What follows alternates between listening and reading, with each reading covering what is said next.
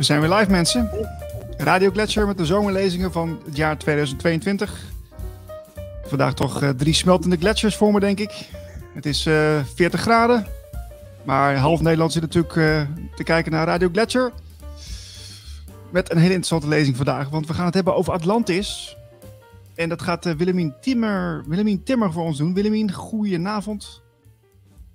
Dankjewel. Uh, ja, het is heel heet, maar uh, ja, hoe is het bij jou? zit je een beetje lekker bij? Of, uh... Ja, dat valt mee. Het is hier binnen redelijk koel, gelukkig. Oké, helemaal goed. Goed volhouden. Ja, de mensen die nu kijken, we zijn live, dus je kunt reageren via de chat um, en via social media zijn we ook bereikbaar. dus zometeen ruim een uur een lezing van Willemien Timmer um, van het bewustzijnscentrum AVO Filiet. Um, ja, eh, Atlantis, daar is natuurlijk heel veel over te vertellen. Um, ik ben eigenlijk wel heel benieuwd uh, welke richting je zo meteen opgaat. Kun je daar al iets over zeggen? Um, nou, het kan mogelijk alle richtingen op. Um, ja, wat, wat ik altijd zeg, ik ben geen expert in, uh, in, in die zin aan Atlantis. Um, maar ik zie altijd vaak de grotere verbanden. En in die zin denk ik dat het, we best wel uitstapjes ook naar andere sferen kunnen gaan maken, zeg maar. Of andere uh, ja, tijdsperioden. Uh, omdat ik Atlantis niet als een losstaand uh, iets zie, zeg maar. Maar goed, daarover zometeen dan meer. Ja, oké. Okay. bij ons is ook Berlijn van Dobbe. Je bent de man van de plaatjes en natuurlijk mijn collega podcaster. hoe gaat het bij jou? Ja, ik ben de man van de plaatjes. Uh, we hebben niet zoveel plaatjes, zeg ik maar meteen uh, van tevoren. Dus het gaat uh, vooral om het verhaal. En vooral om de flow van het verhaal. Waar het verhaal eigenlijk zelf heen wil. Tenminste, dat heb ik een beetje van Willemien begrepen. Dus. Oké, dus dat, is, nou, dat vind ik wel spannend. Het is een keer wat anders dan een, een vaststaande structuur met, met allerlei topics. Uh, helemaal goed. Nou, mensen die kijken, die kunnen dus meedoen. Um, en we zijn te bereiken via Twitter, Facebook, uh, Instagram. En we hebben ook een hele interessante nieuwsbrief. Uh, die kun je aanmelden via onze website, radioglacier.nl. En helemaal onderaan staat er een balletje en dan kun je je naam invullen. En dan komt hij elke week bij jou in de bus. Um, ja, Atlantis. Ja, moeten we daar nog iets over kwijt? Willen we daar nog even iets, een, een soort van kort gesprekje over voeren? Want misschien verklappen we ook wel een heleboel dingen misschien. Ik vraag me even, ik gooi hem er even in hoor, zo. Aan wie vraag je dat? Ja, eigenlijk aan jullie allebei. Het, uh, ik zit, ja, ik heb het ook ontzettend warm. Ik heb hier een ventilator staan. uh, maar ja, we mogen gelijk beginnen. Of uh, willen we nog even iets kort zeggen over de, ja, ja. Wat denk jij Marlijn? Ik denk dat we Willemien gewoon los moeten laten en dan komt het allemaal goed. Oké, okay. nou dan, dan zeg ik niks meer. Dan gaan we gewoon lekker beginnen prima. Um, nou ja, zoals ik net al even een beetje zei, uh, ik, ik, voel me geen, uh, absoluut geen expert op, uh, op het gebied van Atlantis specifiek. Um, maar ik kom Atlantis wel geregeld tegen. En ik kan ook alleen maar eigenlijk spreken over mijn eigen ervaringen, zo door, door mijn eigen groei heen. door ervaringen die ik ook met anderen heb, heb meegemaakt in de, de praktijk die ik heb. Um, waar ik inmiddels al duizenden readingen ook heb mogen doen en uh, afstemmingen op mensen. En zodoende komt Atlantis natuurlijk zo nu en dan ook voorbij. Uh, dus ja, daar kan je niet omheen. Uh, maar zoals ik net ook al zei, van, ik zie ook vaak wel het grotere verband. Ehm, Atlantis hè, wordt vaak gezien als hè, één tijdperk. Dat is natuurlijk een, duizenden jaren durend tijdperk. Een tijdperk van, van goud, zeg maar, en een tijdperk van verval. Dat zou je kunnen zeggen, dat is de belangrijkste uh, tweedeling, splitsing, polarisatie zie je daar eigenlijk al terug. Um, nou ja, en zoals ook zo net al genoemd, uh, ik ga op de flow. Ik weet dus niet uh, precies wat er allemaal, welke afslagen we zullen nemen vanavond. Ehm, ik spreek eigenlijk altijd vanuit de inspiratie, vanuit wat er wil zijn, wat er wil komen. Um, dus we gaan het zien. Ik weet zelf ook niet. Ik ben zelf ook nieuwsgierig wat er uh, precies gaat komen. Um, als eerste is het denk ik belangrijk om een beetje mijn visie, mijn zienswijze uh, uh, uit te leggen over hoe ik een beetje de schepping ervaar. Um, dat is waarschijnlijk een heel simplistisch beeld, maar gaandeweg door mijn eigen groei heen, ja, dan probeer ik steeds helderder te krijgen van oké, ik krijg allerlei ervaringen uit verschillende tijdsperiodes soms ook. Uh, noem het spontane regressies, beelden, die, uh, die herinneringen die terugkomen. Um, soms op aarde, soms elders. Dus ik ben gaandeweg mijn groei, inmiddels al heel veel jaren, nou ja, een beetje gaan proberen uit te dokteren van nou, hoe zit dit hele, ja, dit hele scheppingssysteem zeg maar, in elkaar? Waar moet ik wat plaatsen en wat zoeken? En ik, ja, ik, ik zie het altijd maar in de meest simplistische vorm. Ik ga uit even van er is een, een, ja, een twaalfvoudige uh, nou ja, veld, eigenlijk twaalf dimensies daaromheen als het ware. Of dat omvattend uh, noem ik dan maar het dertiende veld, het ik ben bewustzijn of het, uh, het bronbewustzijn. En in al die twaalf dimensies eigenlijk hebben wij onszelf opgesplitst, als, noem het als een bronwezen, om ervaringen op te doen. En een van die dimensies waar we uh, ervaringen op doen is hier en nu op aarde. Um, uitgaande van, hè, we zijn ergens als bron, hebben we een soort van besloten van, ja, we willen onszelf leren kennen. We zijn alleen maar in eenheid. Wat, wat is eigenlijk eenheid? Um, dus we gaan een evenbeeld creëren, zodat ik eigenlijk een, een pingpongpartner heb om te gaan zien wie ben ik nou eigenlijk. En dat zou die eerste splitsing van de, vanuit de bron kunnen noemen. Wat voor heel veel zielen overigens al een soort van ja, toch trauma-ervaring is, die ik ook vaak tegenkom. Um, omdat uh, daar niet meer die volledige eenheid en heelheid uh, eigenlijk te ervaren was. Um, maar nog een soort van vol goede moed zijn we uh, doorgegaan om, om onszelf te gaan ervaren, om onszelf te leren kennen. En simpel gezegd heeft dat ertoe geleid dat we ja, eigenlijk telkens meer zijn gaan splitsen. Dus eigenlijk zou je kunnen zeggen, we, we, hebben onszelf ervaren tot in alle puntjes wat mogelijk is in een bepaald ja, veld, een bepaalde frequentie. Uh, en waren een soort van nog nieuwsgierig, dus we besloten om verder door te gaan. En we waren natuurlijk niet meer dat volledige eenheidsbewustzijn.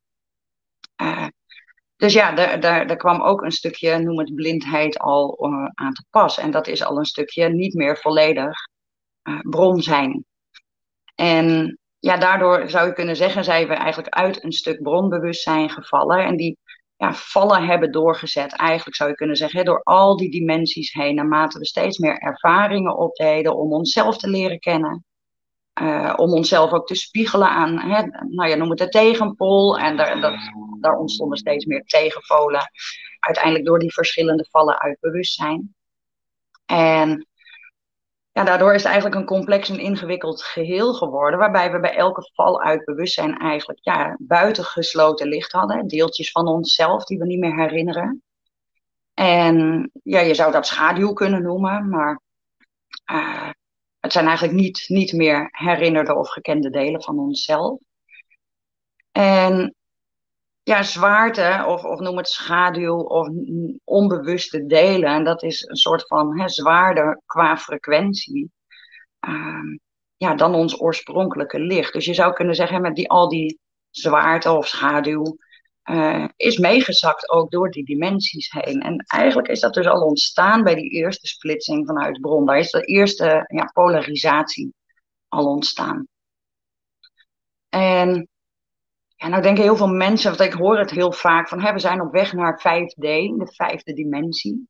Uh, nou, dat lijkt natuurlijk heel wat hier vanuit die derde dimensie, die vaak uh, niet altijd heel leuk is.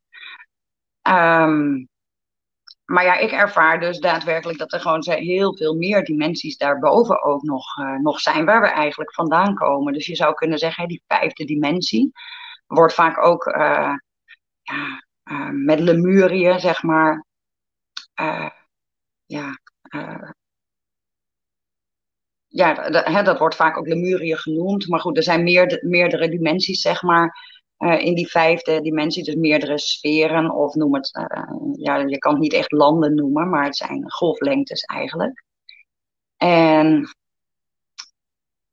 ja, het zou een beetje te simplistisch zijn als we eigenlijk alleen maar van 3D naar 5D zouden gaan. Uh, bovendien denk ik ook altijd, daar moeten we voor door de 4D, de vierde dimensie heen.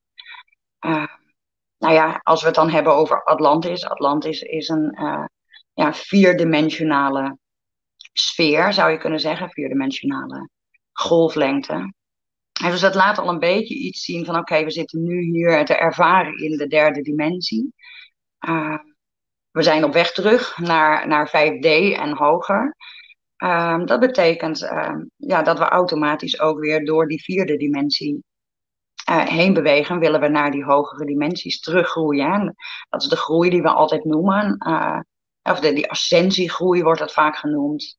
De bewustwordingsgroei, de verlichtingsgroei. Um, terug naar huis, terug naar ons eenheidsbewustzijn. En dat reikt dus veel en veel verder dan die vijfde dimensie of dat Lemurische bewustzijn. Um, nou ja, nogmaals wat ik net zei, van, uh, uh, we hebben eigenlijk alle delen waarom, waarin wij onze verbinding met bron zijn kwijtgeraakt, waarin we delen van onszelf eigenlijk ook zijn kwijtgeraakt, door die ervaringen in dimensies heen. Uh, ja, die zijn meegezakt naar beneden. En dat is ook waarom we vaak op, op dit aardse vlak dealen met heel veel lastigheden. En Ehm, nou ja, wat, hè, wat we noemen karma of uh, oude zwaarte, oude pijnlagen. Heel veel mensen denken dat is vaak voortkomend uit alleen maar aardse levens, maar dat is, uh, ja, is in, in, mijn beleving niet waar, want we dealen met, eh, ja, eigenlijk zeker in deze tijd met eigenlijk alle levens door elkaar, dus ook in allerlei andere sferen en andere dimensies goed, even naar het Atlantisch verhaal. Hè. Zoals ik net noemde al van Atlantisch, zeg maar die vierde dimensie. Die is eigenlijk hè, die val uit bewustzijn. Uh, vanuit de vijfde dimensie is eigenlijk het Atlantische veld of de Atlantische golflengte ontstaan. Um, in mijn beleving, mijn herinneringen, mijn ervaringen die ik ben tegengekomen, is die vijfde dimensie, wat je zou kunnen noemen dat Lemurische veld, nog volledig etherisch. Uh, dat wil zeggen, er is geen vaste materie zoals we dat nu kennen op aarde. En ik ervaar Atlantis daarin als de overgang. Dus je zou kunnen zeggen, in die eerste uh, tijd, wat ook vaak de gouden tijd wordt genoemd, dus die eerste vormen van creatie van die vierde dimensie van het Atlantis, uh, ja, was een val vanuit dat 5D-etherische veld naar eigenlijk de overgang naar de creatie van fysieke materie. Um, ja, dus daarin, um, we onderscheiden daarin vaak een gouden tijd. Hè, dus dat is eigenlijk nog, nog uh, waar de trilling nog hoger is. Je zou kunnen zeggen dat zit dichter bij het Lemurische veld. Dus zit op de hogere tonen, uh, subfrequenties zeg maar, van uh, Atlantis, van 4D. En naarmate dat wij eigenlijk dieper als ziel ervaringen zijn gaan opdoen, of je zou kunnen noemen hoe langer dat Atlantische tijdperk duurde, zijn we steeds verder afgedaald naar materie. En zijn we dus ook steeds verder eigenlijk uit ons godsbewustzijn, nog, nog verder uit ons godsbewustzijn gestapt.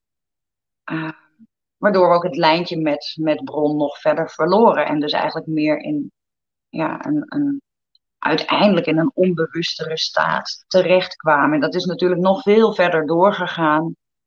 Uh, ja, tot aan de tijden waarin we nu leven. En dat we juist in die hele onbewuste staat in 3D op aarde ja, ervaringen zijn gaan opdoen.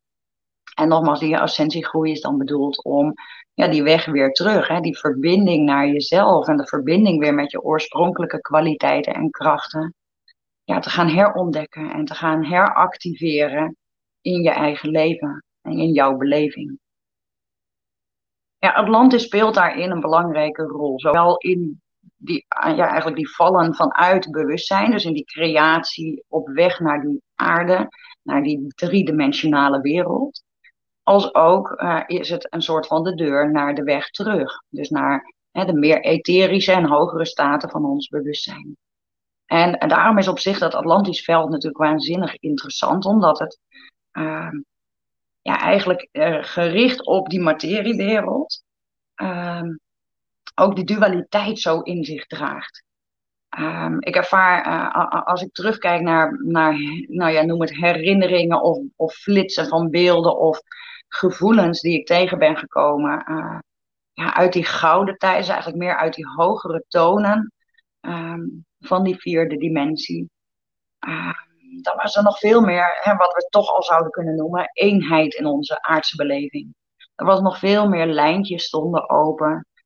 naar boven toe, dus naar andere sterrenstelsels, naar hogere sferen, naar lichtwezens uh, van andere dimensies en sferen. Noem het onze zielen, uh, broeders en zusters van de sterren. Uh, we hadden nog veel meer weet van, ehm, noem het, wat we nu noemen, hogere kwaliteiten, hogere vermogens, zoals helderziendheid, telepathie. dat waren hele normale krachten eigenlijk, die we allemaal gewoon hadden. Ook hadden we uh, heel veel feeling bijvoorbeeld nog met hè, die, die, die aarde die in, in wording was. Hè, want ook de aarde is eigenlijk ja, daarin vormgegeven vanuit dat Atlantische veld natuurlijk. Om een soort van leefomgeving te scheppen. Ook voor die driedimensionale mens die we aan het worden waren. Um, dus er werden ook bepaalde, noem het energetische rasterwerken op aarde ja, geactiveerd, aangelegd. En dat kennen we ook als de leilijnen of de drakenlijnen. De vortexen, daar waar die leilijnen elkaar kruisten. Om echt krachtpunten ook op aarde te hebben. Um, waarin, ja, wat ik in sommige herinneringen heb gezien, wat dus echt ook bedoeld was soms om te laven. Want we, we zakten langzaamaan steeds meer naar die derde dimensie op aarde. Maar nou ja, nog met meer lijntjes in bewustzijn open. Dus we wisten feilloos te vinden waar zijn de, de, de plaatsen om ons licht weer op te laden, om heling te vinden. Uh, of om te connecten met deze of gene sfeer of uh, realiteit. Um, daarnaast uh, ja, ervaar ik ook van, hè, er was, er was um, ook vanuit het Lemurische veld, uh, dus de vijfde dimensie zeg maar, was er heel veel feeling, heel veel uitwisseling nog als het gaat over ja, dat wat we nu kennen als kristallenbewustzijn. Hè, de kristallen in de aarde. Dus ik voel er altijd heel sterk dat Atlantis, uh, de Atlantische trilling daar ook in mee heeft geholpen, zeg maar, om die ja, eigenlijk etherische kracht die de kristallen uh, in zich dragen, uh, mee heeft geholpen om die eigenlijk ook via die grits onder andere ja, in de aarde eigenlijk te zaaien. Als een soort van lichtcoderingen die in de materie van mineralen en aanwezige stoffen, en grondstoffen in de aarde uit kunnen groeien. Uit konden groeien of konden materialiseren. Uh, in een aards jasje, dus als een kristal zoals we dat tegenwoordig kennen. Simpelweg ook weer om frequenties vast te houden of om bewustzijn te helpen ontwaken, ook met name in deze tijd, bewustzijn, informatie vast te houden. Uh, dus zowel kristallen hebben daar ook een rol in, um, hebben daar ook een stukje oorsprongsenergie in. Um, nou, van daaruit komen bijvoorbeeld ook de kristallen schedels, uh, die weer andere functies hadden, kom ik waarschijnlijk straks nog wel even op. Uh, maar er waren ook lijntjes open met, met hogere lichtwezens of met, met, ja, ik hou nooit zo van het woord noemen de buitenaardse, maar ja, ik, ik, ik zie dat veel meer als, dat zijn ook vaak hoger zelfdelen vanuit andere dimensiesferen, dus delen die jij bent in die andere dimensies. Um, of broeders en zusters uh, daarvan hè, behoren tot onze zielsfamilie. Andere afsplitsingen die ergens allemaal weer horen bij diezelfde bron. En um, ja, ook hele, zeker in die gouden tijd waren er hele hoge, uh, ja, scheppende frequenties ook nog, ondanks al die vallen uit bewustzijn, toch waren die poorten nog tot op zekere hoogte open. Dus ook als we het hebben over de drakenkrachten, die enorme hoeders van de scheppingskracht, enorme ja, scheppende uh, krachten, uh, die hebben ook meegewerkt, daar hebben wij mee meegewerkt. Uh, ten tijde van dat Atlantische gouden tijdperk, puur om die aarde in te richten, klaar te maken, zeg maar, om eigenlijk nog verdere stap val uit bewustzijn te maken naar die derde dimensie. En ja, daarbinnen ervaar ik ook van als je dan kijkt naar het menselijke uh, systeem zoals we dat nu hebben. Um, hè, we, over het algemeen kent iedereen dat denk ik wel. Hè? We hebben zeven hoofdchakra's, nou, we hebben er nog veel meer. Uh, veel meer ook kleinere uh, ja, energetische banen en kleinere chakra's. Um, maar die, van de hoofdchakras bijvoorbeeld, om, voordat wij echt in die fysieke materie konden komen, uh, ja, moest eigenlijk dat chakrasysteem ontwikkeld worden. Hè? Dus daar was ook bijvoorbeeld die drakenkracht en die andere ja, hogere vermogens zijn daarvoor ingezet om nou ja, om een fysiek voertuig voor de 3D-aarde te gaan creëren. Dus de hele creatie van ja, ook weer eigenlijk net eh, vergelijkbaar als met de aarde, van leilijnen, lichtlijnen waar energie door kan stromen, waarin vortexen uh, ontstaan, daar waar die lijnen in een soort van uh, ja, rasterwerk met elkaar kruisen, daar zijn chakra's ontstaan. En zo wordt heel langzaam ook door die tijd van Atlantis heen eigenlijk de, uh, ja, het, het, ja, het menselijk lichaam als het ware gecreëerd. Met als laatste natuurlijk die onderste drie chakra's. Uh, die ervoor konden zorgen dat wij werkelijk een fysiek voertuig kregen. Uh, een emotioneel veld kregen. Een mentaal veld kregen. En een aardse persoonlijkheid, oftewel een ego kregen. Uh, ja, die in eerste instantie ook bedoeld was om dienstbaar te zijn aan onze ziel en aan onze zielsmissie. Aan het lijntje in zoverre we die nog konden herinneren met bron. Uh, dus, dus in die zin ook van, ik ben er heilig uh, van overtuigd ook. Ego in essentie is een heel belangrijk gereedschap waar we ook niet zonder kunnen. Uh, alleen door alle ervaringen die we hier hebben opgedaan, startend vanuit eigenlijk hè, die langzame vervaltijd van Atlantis. Uh, ja, zijn we steeds meer schaduwrollen gaan ervaren, omdat we steeds verder uit die verbinding met bron gingen. We gingen steeds dieper die materie in. Uh, we vergaten steeds meer wie we werkelijk waren. We vergaten onze hogere vermogens. Hadden we geen toegang meer toe uiteindelijk. Um, ja, en toen heeft ego een andere rol aangenomen. Vandaar zijn ook die eerste nou ja, overleefmechanismen eigenlijk uh, al beginnen te ontwikkelen. Nou ja, we zijn nu duizenden jaren verder. Dus kan je wel nagaan hè, hoeveel, uh, ja, hoeveel levens we over het algemeen hebben gehad. Met nou ja, soms ook pijn en drama en ellende. En, uh, ja, dat heeft ervoor gezorgd dat ego een totaal andere rol op zich is gaan, uh, gaan nemen. En ik geloof nog altijd heilig eigenlijk in het feit dat ego het nog altijd goed bedoelt met ons. Alleen het is gewoon losgekoppeld van, uh, ja, van het zielsbus en van de oorspronkelijke taak. om het dienstbaar te zijn, om de handen en voeten te kunnen zijn van onze ziel, van ons bronwezen. Um, ja, dat is gewoon eigenlijk aan het stuur gaan staan, zeg ik altijd maar. En dat is niet de rol van ego. En ego uh, is in die zin nog steeds dienstbaar aan ons, want het wil ons behoeden voor meer pijn en meer ellende. Uh, dus, dus ik acht Atlantis daarin altijd wel een heel belangrijk punt. Hè? Omdat Atlantis dan zo'n duizenden jaren periode is geweest. Van eerst, nou ja, noem het toch nog meer hoger bewustzijn. Nog meer lijntjes met, met allerhande grote oorspronkelijke krachten. En ja, dat is dus gaandeweg steeds verder in verval geraakt, waardoor we uh, ja, ook steeds meer eigenlijk schaduwrollen op ons zijn gaan nemen. Slachtofferdaterschap bijvoorbeeld is ontstaan. Simpelweg, hè, even vanuit het perspectief van de ziel gezien, om weer bepaalde ervaringen op te doen. En ik ervaar zelf ook altijd, als ik echt in die uitleiding met, me, met mijn hoger wezen ben, dan is helemaal geen oordeel. En wij zijn als mens uh, ja, heel erg oordelend ingesteld. Dus wij vinden iets leuk of we vinden iets niet leuk. We vinden ergens iets van. En vanuit ziel bekeken is het eigenlijk alleen maar slechts een ervaring. dat, is, dat is eigenlijk die drijfveer van ziel. Ziel wil ervaring opdoen, die wil zichzelf leren kennen. En daarin was uitermate uh, interessant natuurlijk het tijdperk van Atlantis, omdat alles er kon zijn van, van toch nog hogere uh, ja, informatie, toegang tot bepaalde hogere krachten.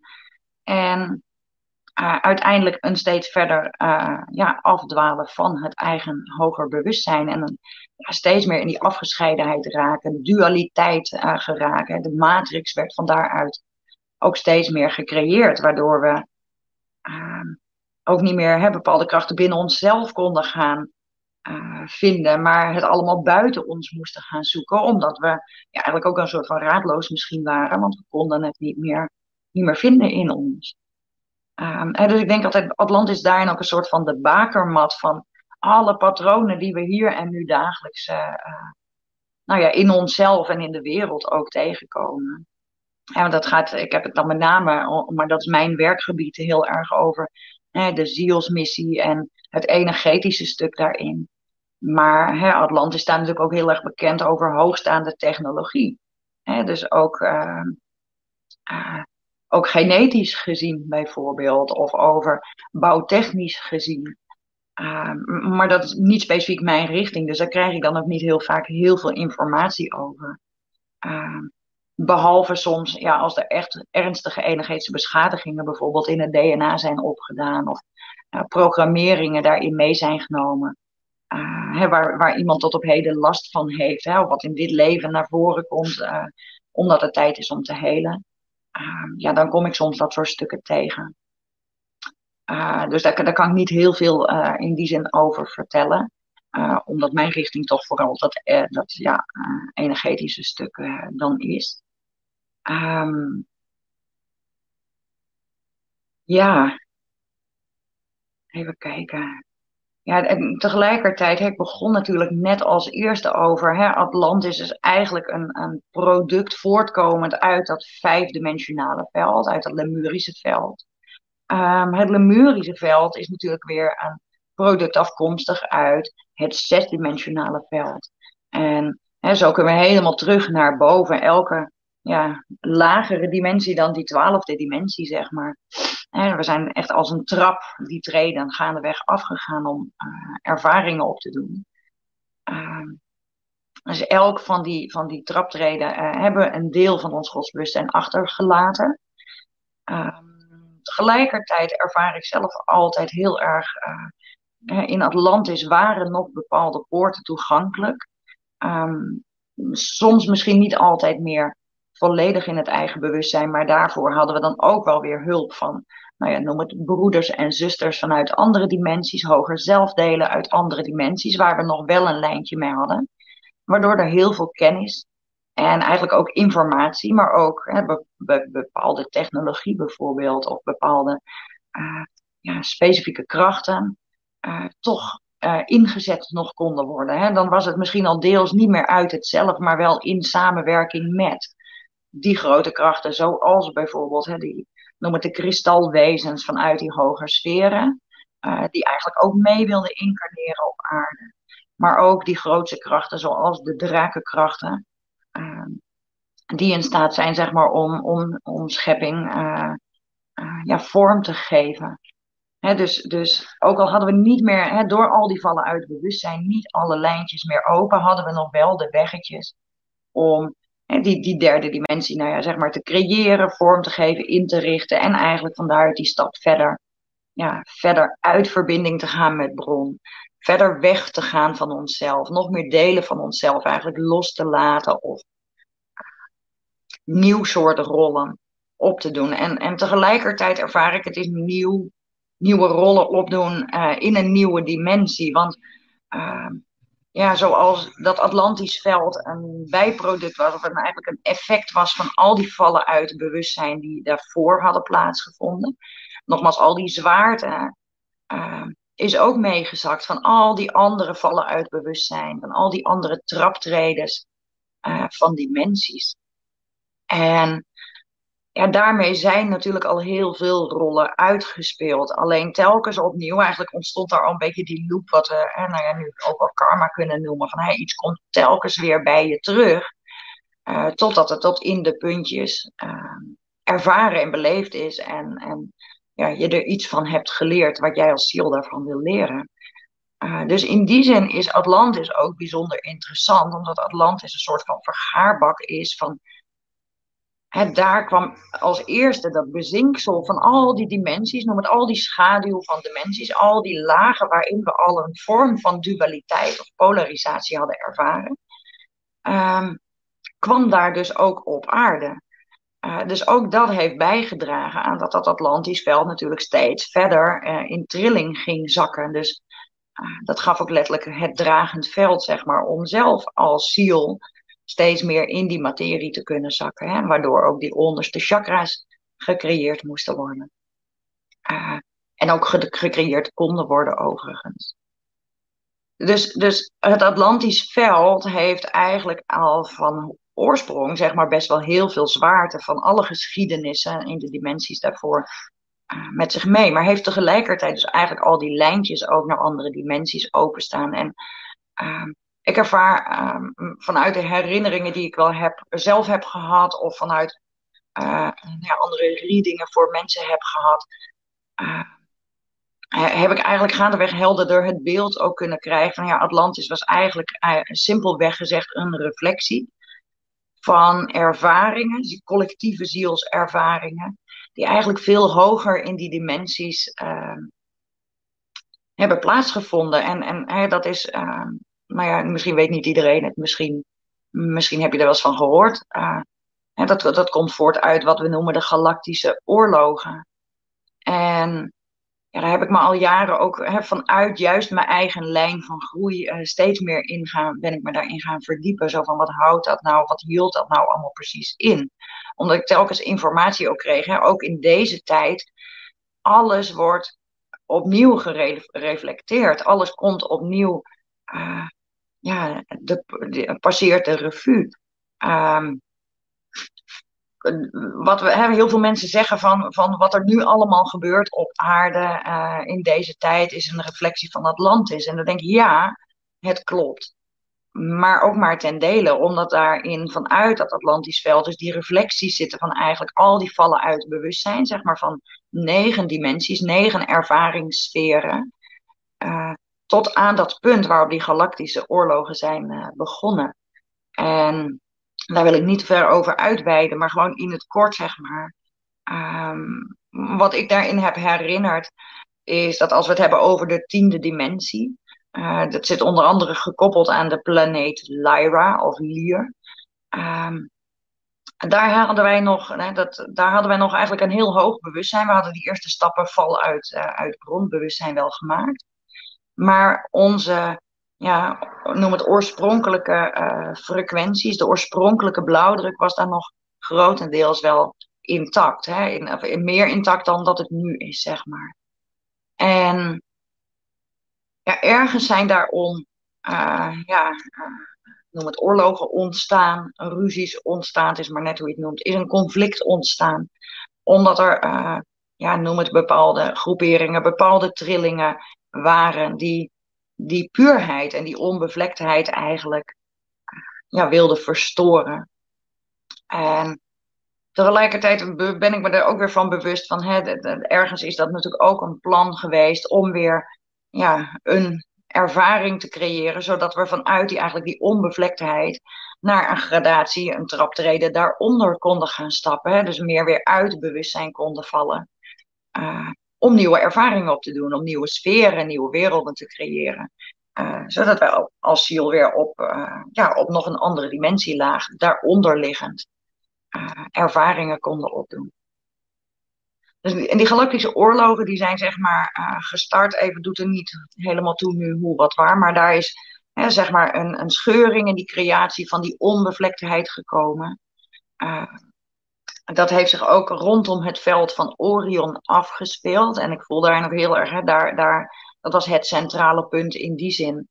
Uh, ja, waar, waar eigenlijk die creatie van dualiteit, echte dualiteit, die tastbaarder, die steviger, die, die noem het donkerder van trilling was, uh, gecreëerd. En, en die reflectie zie je telkens terug, zie ik telkens terug, um, in het Atlantische veld, maar ook in de wereld van nu.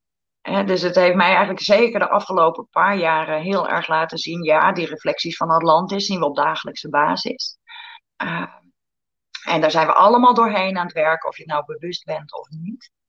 Uh, maar tegelijkertijd zijn we dus eigenlijk door veel meer oeroude dimensielagen en eigenlijk oude ballast heen aan het werken. Want ja, Atlantis is de reflectie van ook dat Orionveld. Daar waar ja, de onbevlekte mens eigenlijk uh, ja, beschadigd is geraakt. Hè, waar de dualiteit is, uh, echt is geïntroduceerd binnen schepping. Um, en in die zin uh, is, is Orion dan ook heel interessant, want dat heeft alles te maken met zwart en goud. En dan heb ik het puur over frequentie. Zwart zou je kunnen zien als schaduw. Dat is één zienswijze, is één golflengte. Zwart zou je ook kunnen zien als die scheppende kracht. Dat is een, ja, ik noem het altijd eigenlijk de baarmoederenergie, waarin een nieuwe creatie ja, kan ontstaan. En goud heeft weer de resonantie van ons godsbewustzijn. dus je zou het ook weer kunnen aanvliegen als zijnde ja, schaduw en licht. En dat is natuurlijk de, de programmering of de codering die daar in dat Orionveld in, uh, in die galactische oorlogen is ontstaan. die ultieme splitsing, schaduw en licht, maar ook de ultieme uh, codering die daarin ligt van de bedding om ons eigen goud weer te herinneren.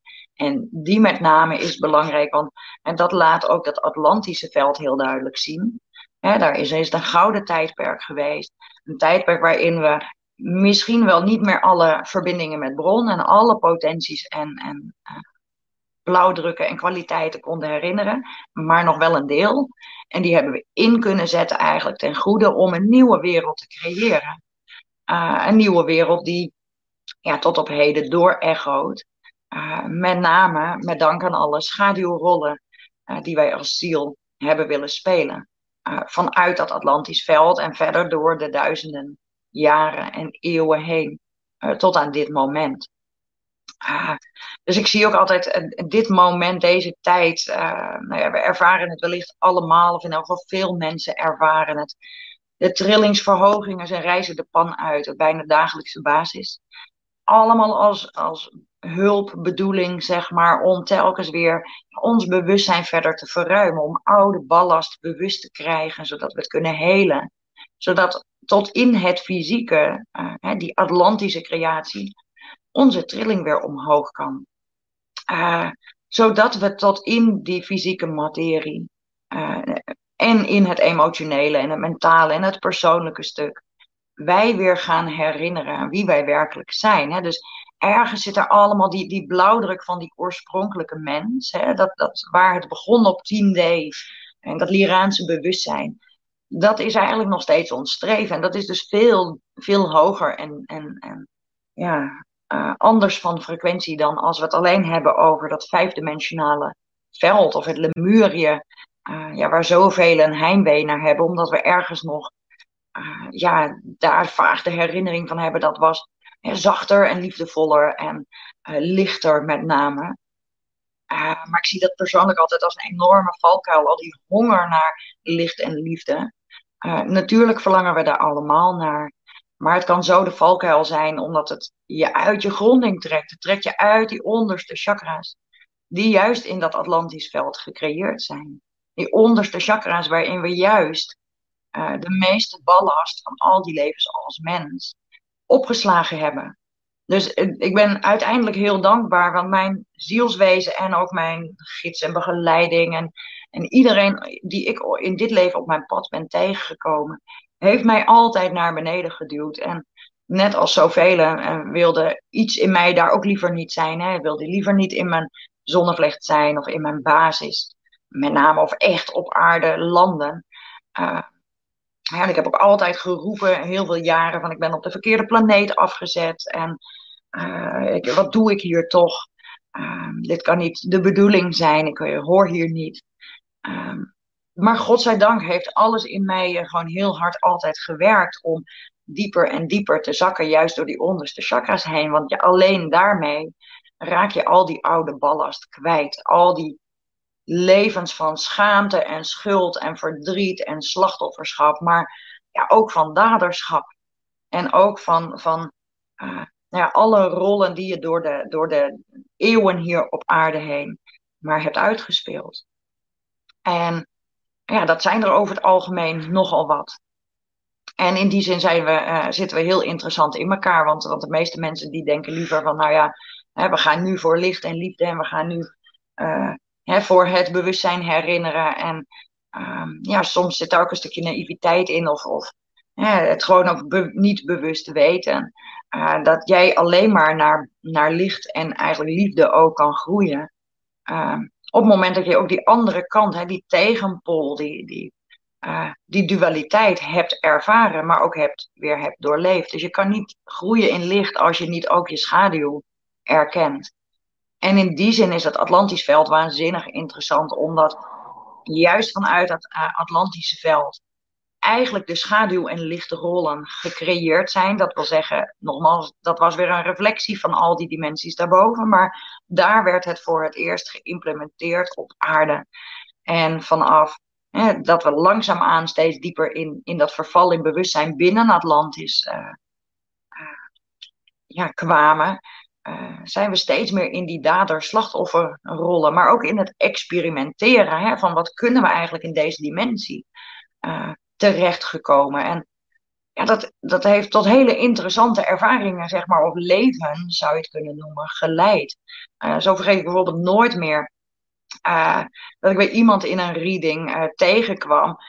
dat die ziel had gewoon besloten om twee levens tegelijkertijd in het Atlantisch veld te leven. Eén, noem het een rol vanuit, noem het het priesterschap in het licht en één rol van het priesterschap in het duister. En die twee ja, aspecten van één en dezelfde ziel in één en dezelfde tijdsperiode geïncarneerd, die elkaar tegenkomen en elkaar levenszuur maken. Uh, bijzonder interessant. Dat waren experimenten uh, uh, die we waarschijnlijk op andere dimensies misschien ook al wel hadden bedacht, maar misschien niet zozeer uitgevoerd, niet in het fysieke in elk geval. En dat resulteerde er ook in van hè, daar waar we steeds meer um, ja, het lijntje met bron en dus ook met onze potenties en vermogens uh, ja, aan het kwijtraken waren. Uh, ja, leidde er uiteindelijk ook toe van, hè, dat, je, dat, dat er, noem het een soort van priester- of priesteressenorders gevormd werden. Hè. Er waren altijd een paar mensen die nog net meer lijntje open hadden. Um, ja, en die werden op een gegeven moment, hè, omdat, omdat dat ego er natuurlijk bij kwam, hè, die, die, die werd ontwikkeld, die gingen we ontdekken. Uh, dus er, kwamen al steeds meer scheefstanden. in, het in begin misschien nog wel iets gelijkwaardiger. Zo van, hey, jij hebt je lijntjes nog meer openstaan. Je kan nog misschien makkelijker met telepathisch met andere werelden spreken. Dus werd je een spreekbuis daarvoor. Maar anderen hadden die lijntjes bijvoorbeeld niet meer. En die kwamen dan naar diegene toe. Dus zo zijn heel langzaamaan ook rollen ontstaan en, en, en noem het ook programmeringen gaandeweg ook ontstaan. Uh, ja, van, van ja, wat je zou kunnen noemen, hè, wat later is uitgegroeid tot vormen van religie, vormen van spiritualiteit. Uh, iemand die gespecialiseerd in iets is en anderen komen daar naartoe. Uh, ik, ik denk van Atlantis heeft eigenlijk de bedding van alles wat wij eh, hier en nu op aarde kennen. En wat we ja, tot in den treuren misschien ook wel hebben, hebben uitgeleefd en, en ervaren als ziel door de incarnaties heen. Uh, ja, tussen Atlantis en nu. Uh, dus ja, weet je, als ik dan de vraag krijg over ja, hoe, want het, het, aantal mensen stelde die vraag afgelopen week uh, op de mail of op Facebook. Ja, wat, wat, ja, hoe verhoudt Atlantis zich dan tot het nu? Ja, nogmaals, we zitten in een reflectie van Atlantis en alles wat voorbij komt is, uh, ja, biedt handen en voeten om onze eigen, noem het ook Atlantische codes, onze Atlantische trauma's of de trauma's die toen geïmplementeerd zijn, of de ervaringen die toen geïmplementeerd zijn en door de levens heen vorm hebben gekregen, die kunnen we allemaal schonen en, en daarvoor hoef je niet eens te zoeken. Daarvoor hoef je alleen maar je eigen leven uh, te leven. En te kijken, wat, wat ontmoet ik hierin? He, waar uh, vind je juist gelijkgestemde waar het meteen heel goed mee klikt? Waar vind je juist het tegenovergestelde?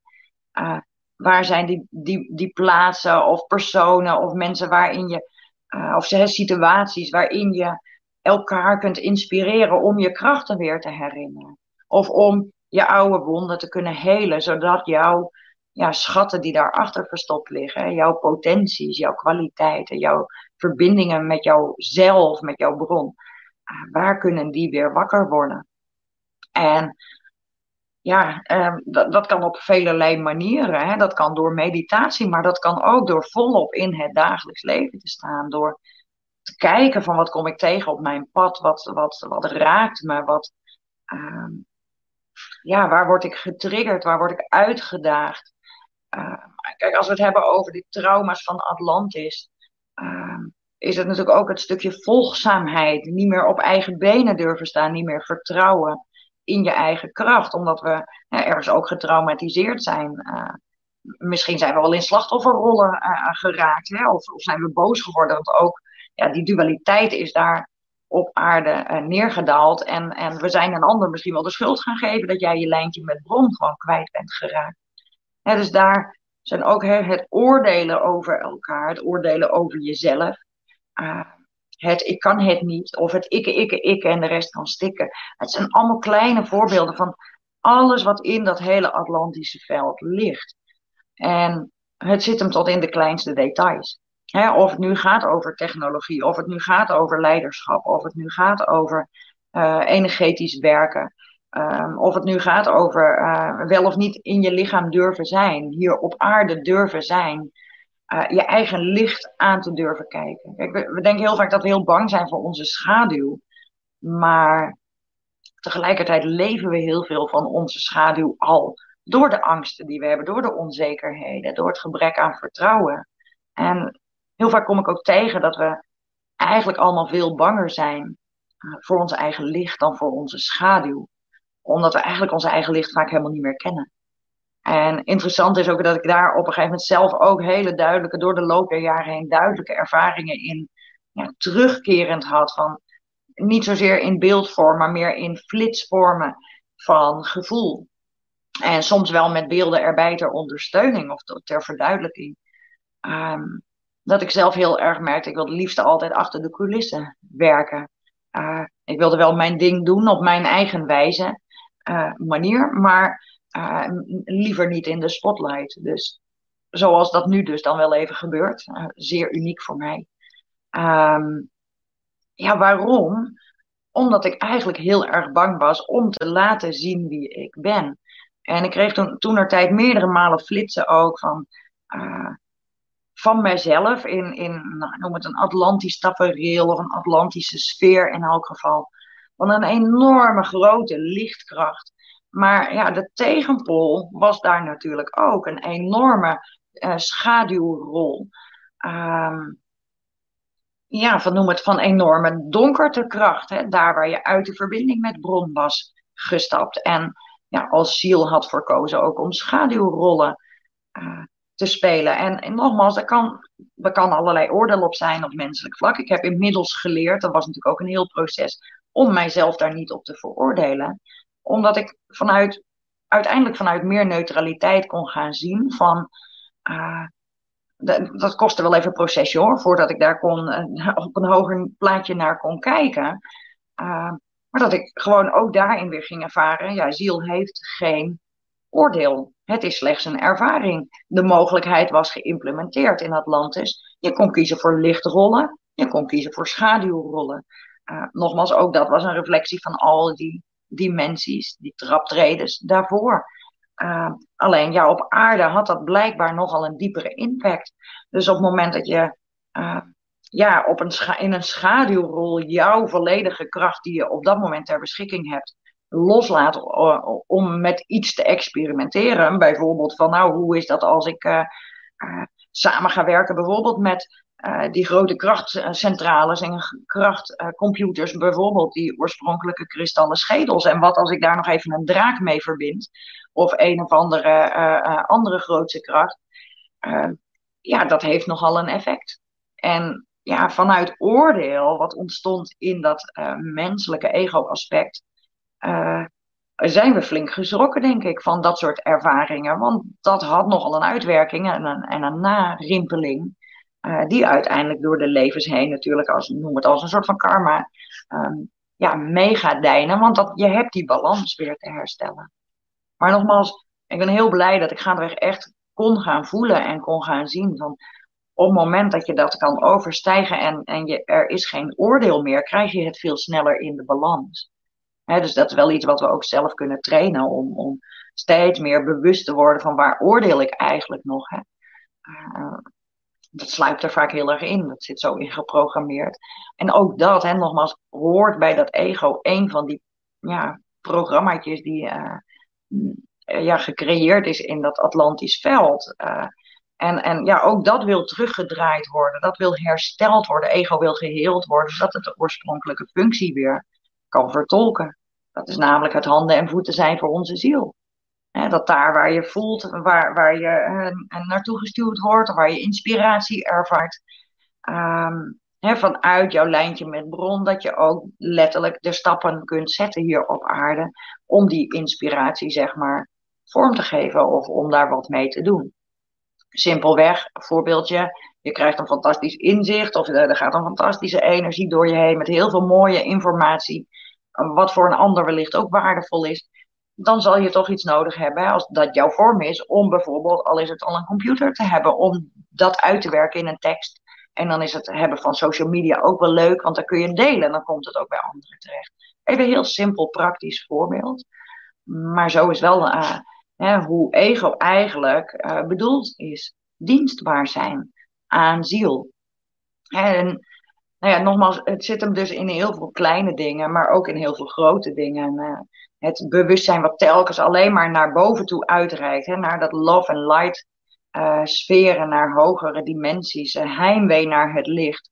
Ja, dat zijn allemaal verdraaiingen ook vanuit dat vijfde Lemurische veld, die natuurlijk ook een bepaalde mate van dualiteit al kent. Want nogmaals, dat is weer voortgekomen ook uit die, ja, die duale implementatie in Orion. Hè? Dat is, Orion zat op, op dat negendimensionale vlak. Dus dat stuk dualiteit is eigenlijk in al die onderliggende dimensies meegenomen.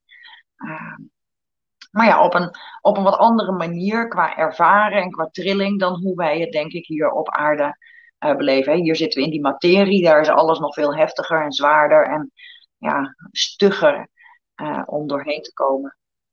Uh, dus ik denk dat dat ook echt de struggle is waar de meeste mensen mee stoeien, in welke situatie je ook zit op aarde. Uh, maar eigenlijk zou je kunnen zeggen, alles is terug te herleiden naar die programma's die eigenlijk geïnitieerd zijn in Atlantis, die wij zelf geïnitieerd hebben. Dat is niet van buitenaf, dat zijn onze eigen zielskeuzes uh, geweest in de rollen die we hebben gespeeld. Ja, dat heeft een beetje onze koers ook bepaald. Door de levens heen, welke ervaringen hebben we daarmee opgedaan? Zijn we telkens weer trauma's gaan herbeleven in, in allerlei varianten zijn we stukjes weer gaan helen. En misschien zijn we opnieuw gewond geraakt. Ja, alles komt samen in deze tijdsperiode. En um, in die zin is niet eens interessant van hè, als je tegen je procesthema's aanloopt, dan zit ik nou in iets Atlantisch te werken. Nou, ga er maar van uit.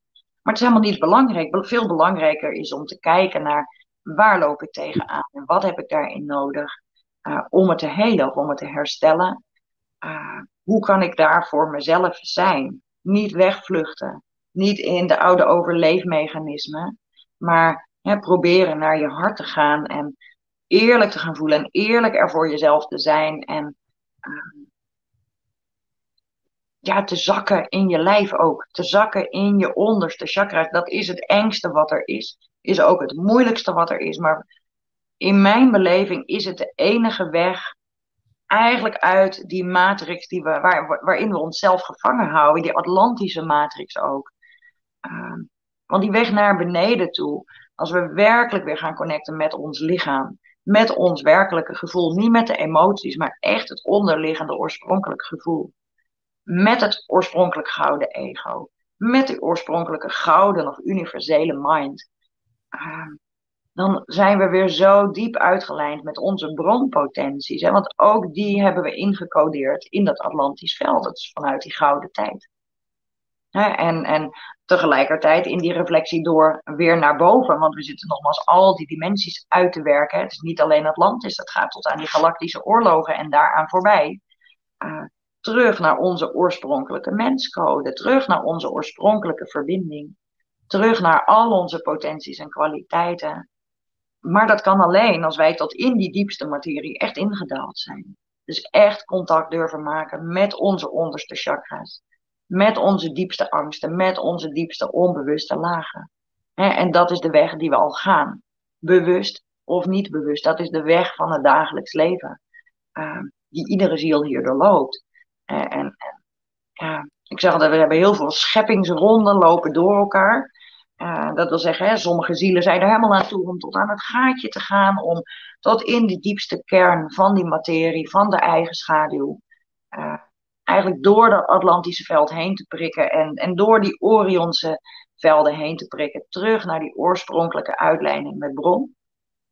Sommige zielen zijn daar uh, ook nu op aarde nog lang niet aan toe. of die zijn nog halverwege. Hè, want, want niet elke ziel die nu op aarde is, is gelijktijdig begonnen in deze schepping. Um, overigens zijn er ook verschillende poorten. Atlantis is er één en ik voel er altijd, uh, van, van jongs af aan heb ik altijd gezien en gevoeld. Uh, ook aan persoonlijke uh, ja, regressie, herinneringen die spontaan terugkwamen. Dat ook het Egyptische veld bijvoorbeeld een hele sterke poort is. Die ook gelijktijdig overigens met Atlantis heeft bestaan. Dat heb ik lang nooit durven zeggen, omdat ik dat zelf ook gekke herinneringen vond van. Want dat in alle oude boeken staan natuurlijk, je had eerst Lemurië, dan Atlantis en dan kwam Egypte. Maar mijn herinneringen zijn zo dusdanig ook kraakhelder altijd geweest, dat het voor mij buiten kijf staat dat ook ja, het oud-Egyptische veld ook een heel groot deel gelijktijdig met Atlantis een soortgelijke evolutie heeft doorlopen. En ja, het interessante daarin vind ik altijd, het oud-Egyptische veld heeft heel veel universele coderingen en kennis achtergelaten, hè, wat we nu nog kunnen ontcijferen. Um, in, de, in de oude teksten, in de oude informatie, in alle oude artefacten uh, die er nog zijn.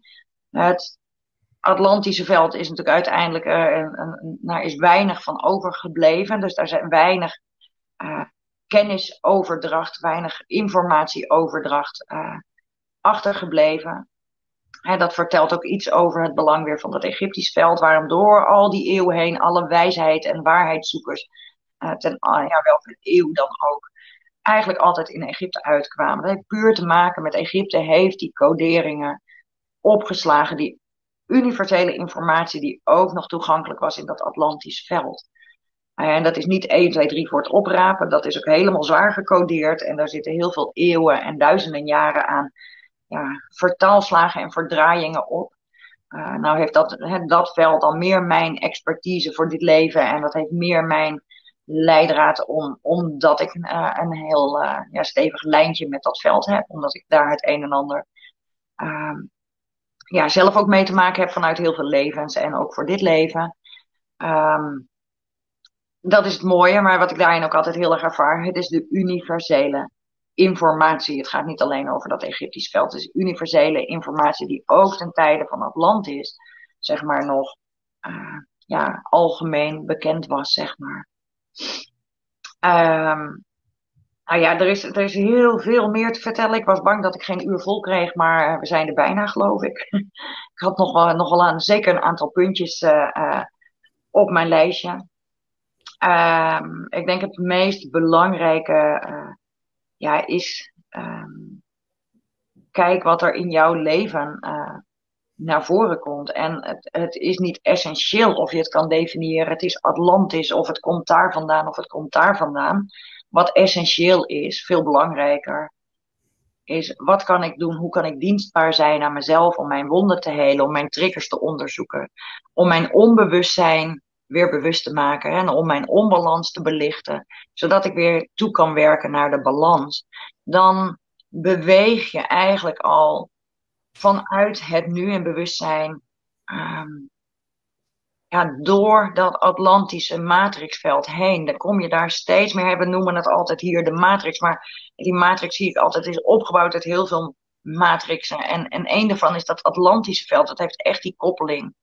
Uh, ja, noem het naar de oer uh, begin, zeg maar even, hè, van ons als mensheid ook weer uh, hier op aarde. Daar zitten heel veel programma's in waar we nu al, al, eeuwen mee dealen en last van hebben.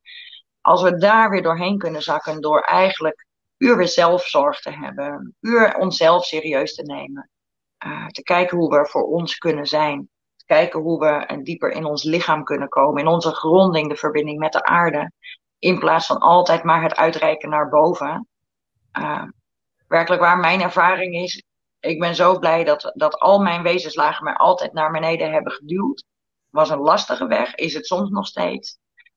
Maar hoe dieper ik kan zijn in die aarde-energie, in mijn eigen lichaamsenergie, hoe hoger de lijntjes naar boven weer opengaan, hoe hoger de kwaliteiten, de informatie, de lichtcoderingen, alles werkelijk in kan dalen in het hier en nu.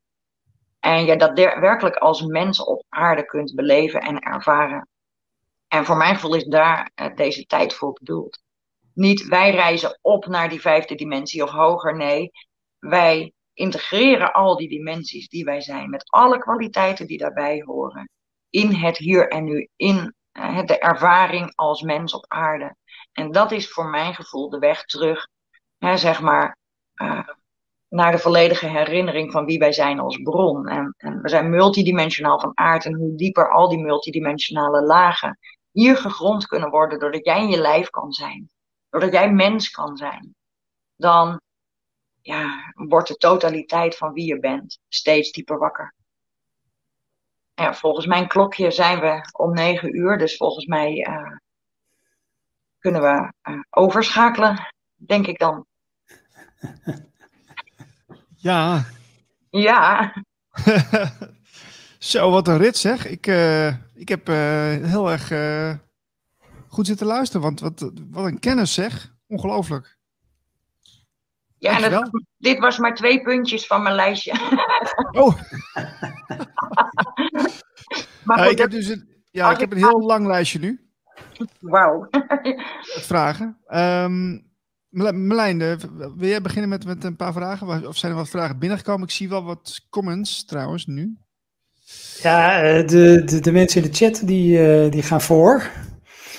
Dus uh, JMK, of uh, ja, MK heeft twee uh, opmerkingen, of vragen eigenlijk. Bestaat er buiten het Atlantisch, uh, Lemurië en 13e dimensieverhaal ook nog een universum of een grotere realiteit? Um, en daar komt zijn tweede vraag eigenlijk ook een beetje op neer.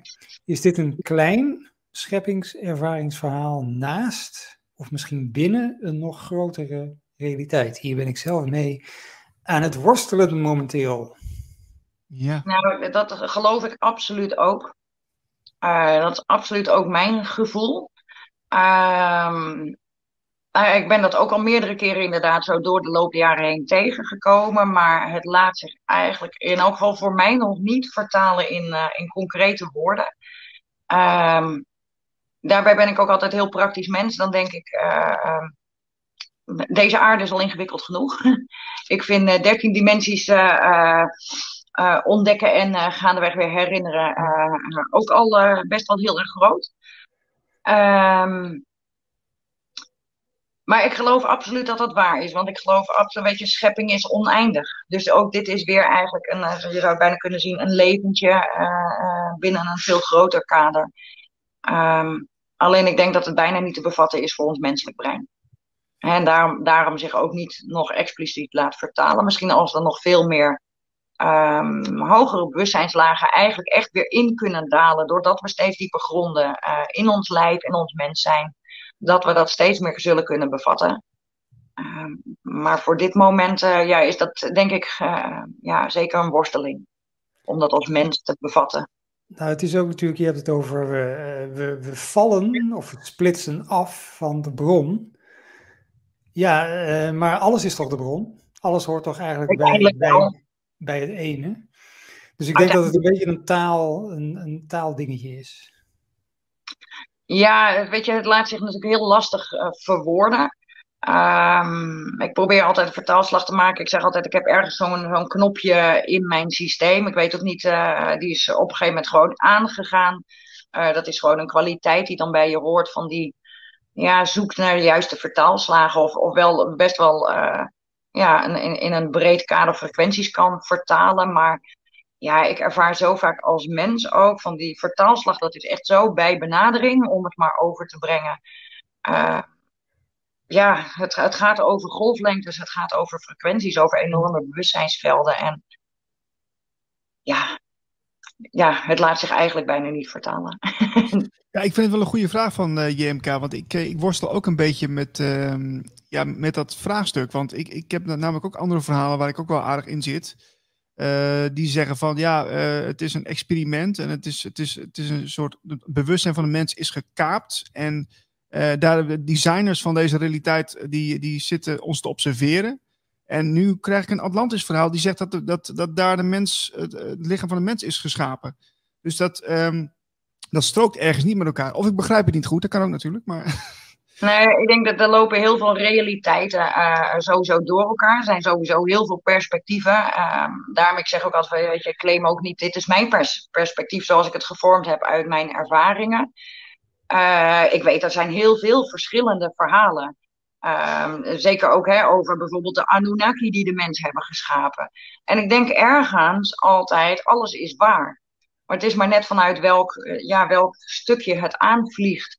En ik denk uiteindelijk ook daarin uh, zitten dingen die elkaar overlappen. Alleen, ja, de kunst is omdat, uh, omdat inderdaad, dan moet je eigenlijk alle verhalen al naast elkaar hebben. Um, kun je, wil je de rode draad eruit kunnen halen? En, en in feite zie je dat bij religies vaak wel terug. De rode draad is hetzelfde.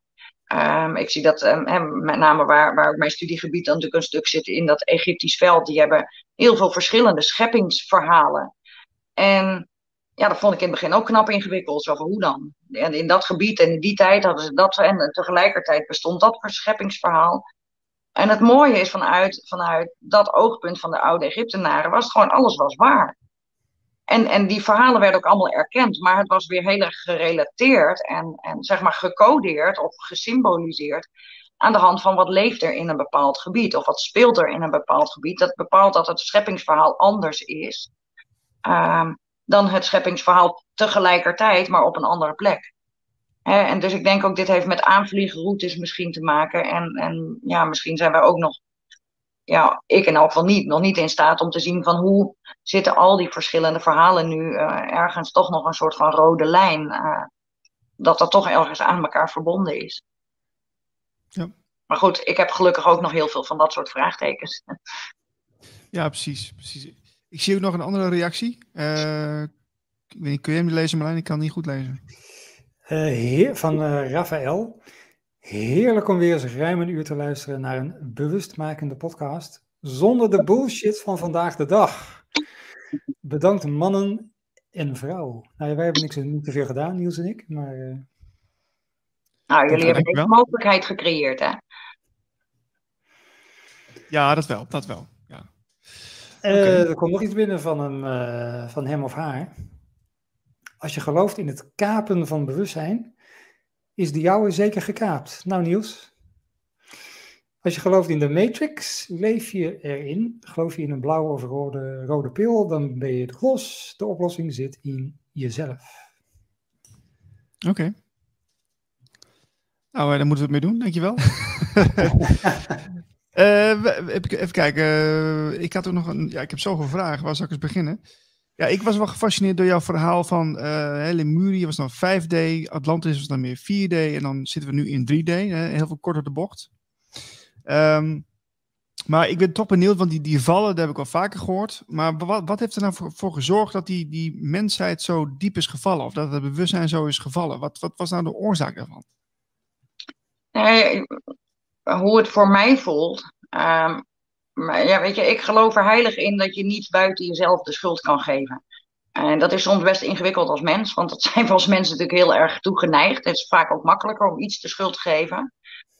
Um, maar door mijn ja, ervaringen en groei en mijn bewustzijn heen, zeg maar, kom ik eigenlijk altijd tegen dat alles ergens op een bepaald level zielskeuzes zijn geweest. En sommige keuzes zijn naïef geweest en hebben nogal een effect gehad, um, wat we niet altijd misschien van tevoren hebben kunnen bedenken. Zo van leuk, laten we een galactisch oorlogsspelletje gaan doen en niet beseffend, oh shit, daarna kunnen we niet meer terug naar boven, zeg maar, maar moeten we eerst all the way naar beneden. En dat, dat kan een soort naïeve keuze uh, zijn geweest. En aan de andere kant voel ik altijd weer zitten, die, want we zijn tegelijkertijd bron. Het is ook niet, we zijn niet buiten bron, we zijn ook nog steeds bron. Alleen we zitten nu op een golflengte dat we niet herinneren. Dus die bron die stuurt ook altijd daarin aan. En ik geloof er heilig in dat, uh, dat wij het zelf doen. En zelf, zelf voor hebben gekozen, min of meer. Alleen ja, die vonkjes van bron die die er, ervaringen opdoen als noem het een ziel in incarnatie.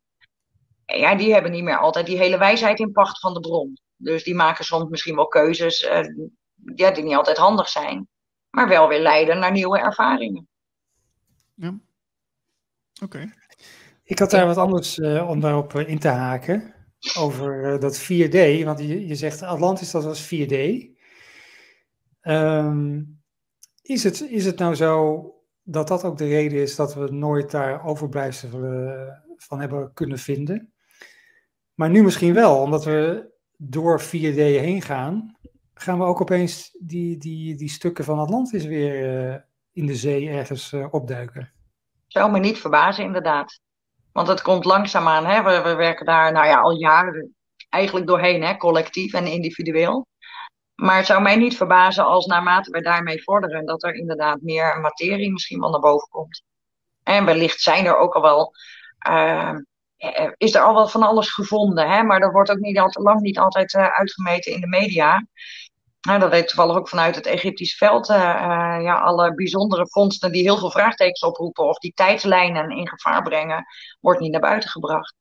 En dus wie weet is, het al, is er al van alles gevonden. Of het komt ja, nog. dat zou ook kunnen. Ja, ja, ja. Ja, en wat ik, wat ik ook wel fascinerend vind, hè, want als ik aan Atlantis denk, aan de val van Atlantis, dan is het vaak, dan zie je dat, dat fantastische uh, ronde bouwwerk, hè, wat, wat, wat, gigantisch groot is, met al die rondingen, en dat valt dan in één keer zo in elkaar, en toen was het weg. Maar is, is de, ja, dat is, zo wordt het, zo zie ik het gewoon. Dat is, ja, in, films en zo krijg je het zo gepresenteerd, maar is dat ook inderdaad zo in één keer gegaan? Of is dat echt stap voor stap heel erg gelaagd teruggegaan naar een lagere frequentie? Ja, voor mijn gevoel is dat echt wel gelaagd gegaan. Ik heb niet dit soort beelden uh, zeg maar gezien door mijn, uh, door mijn ervaringen heen. ik ken natuurlijk die ervaringen wel ook van films of van boeken die daarover schrijven. maar ja, ik denk altijd dat is altijd weer interpretatie van de schrijver of de, de filmmaker. en wellicht zijn er mensen die daar hele gedetailleerde zielsherinneringen op hebben zitten hoor, dat kan. Um, die heb ik niet in die zin. Maar ik voel altijd wel van het is, het is een tijdperk van duizenden jaren geweest. Dus um, ja, dat, dat kan niet anders. Dat is niet van het een op het andere moment ingestort. En uh, dat, dat zal heus geleidelijk zijn gegaan. En ja, goed, de verhalen zijn er natuurlijk altijd wel ook van hè, vloedgolven en, en weet ik veel wat. Nou ja, dat kan natuurlijk als een soort van tsunami wel vanuit het niets zijn gekomen. Maar ja, dat is dan toch het effect van die trillingsverlaging die er al is. Hè, en, en ja, ramp na ramp. Ja, ik vind dat hoort dan ook wel bij. Dat verlaagt natuurlijk de trillingen. Er ontstaat heel veel angst. Dat verlaagt hè, de trilling. Ja. Of is verlaagd de trilling. Absoluut, ja. Maar goed, ik, kan, Uh, ik heb daar niet een heel helder beeld bij uh, op die manier. Nee.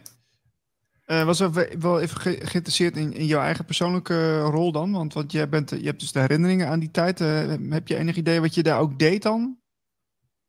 Uh, nee, ik heb, ik heb uh, verschillende flitsen daar wel van uh, gehad door, mijn, door de loop van, van nou ja, mijn eigen groeiprocessen nu heen. Uh, ja, zowel, zowel eh, noem het helende rollen of, of bijvoorbeeld ja, hele diepe connecties van samenwerking met kristallen schedels tot aan samenwerking met het dierenrijk.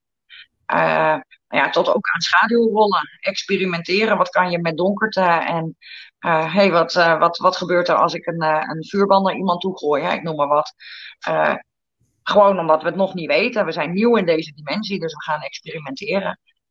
En nou ja, hè, dat is even bij, bij benadering als voorbeeld. Ehm, maar het, ja, kijk, het, het heeft voor mij heel erg gezorgd van. Ik kwam op een gegeven moment alleen maar van die ervaringen tegen dat ik gewoon merkte van ik hou continu mijn licht bij me. Ik hou continu mijn ja, ik durfde eigenlijk mijn eigen licht niet aan te kijken. Hè, en dat is, uh, nou ja, goed, dat is nog iets wat natuurlijk nog steeds een ontwikkeling is. Maar dat was echt toen op een heel cruciaal punt in de groei. Dat ik echt iets wilde openbreken. Uh, dat ik echt dat soort, dat soort herinneringen terugkreeg. Zo van, oh ja, maar daarom durf ik dus niet voluit mijn licht te laten zien. Want als dat licht net zo krachtig is als het schaduw van hè, wat je misschien ook heel krachtig ten tonele hebt gespreid. Uh, ja, dat is best wel eng. Ja, maar dat, dat herken ik wel. Ik heb jaren geleden toen ik daar uh, zeg maar vol in die uh, ontwaking zat en dat ik heel erg met mijn bewustzijn aan de gang ging mediteren en zo. Toen kwam er bij mij heel veel vrij. En toen, uh, op een gegeven moment, toen was er een moment dat ik, dat ik in mezelf zo'n gigantische grote kracht voelde. En die, die kwam zeg maar zo op van, vanuit onder. En, uh, en dat, ik schrok daarvan. Ik denk van, oh, dit moet ik, dit moet ik onderdrukken, want dit is niet goed. Dan zometeen word ik gek. Weet je wel, dit is, dit gaat, dit is veel te, veel te heftig. Maar omdat ik het niet ken, uh, ik, ik, ik herken het niet als kracht, als, weet je wel. Dus ik denk dat je dat bedoelt. Hè? Dat, dat, dat, het zo onbekend is voor ons, dat we daardoor dus gewoon denken van, oh, laten we daar maar niet aan beginnen. Precies, ja, want dat heeft ook alles te maken met, met inderdaad het niet meer herkennen of herinneren van wat is dit nou weer.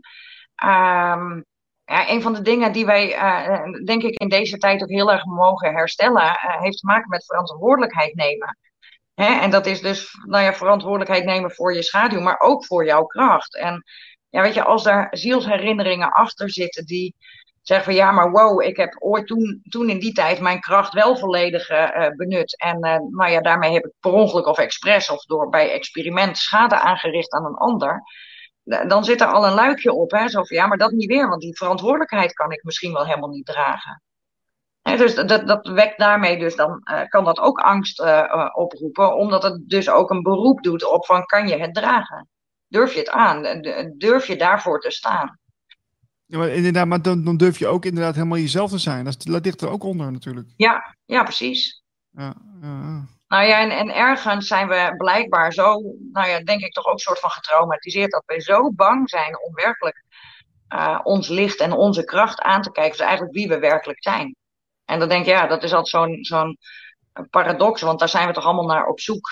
we willen dat zo graag weer voelen en toelaten en herinneren, maar uh, tegelijkertijd, als het voor je neus staat of innerlijk gebeurt, schrikken we er allemaal van terug dus het is echt, dat mag echt ook als een geleidelijk proces gaan.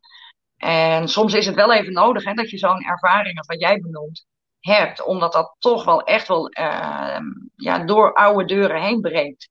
Dat, dat is wel weer bepalend voor de rest van je verdere groei.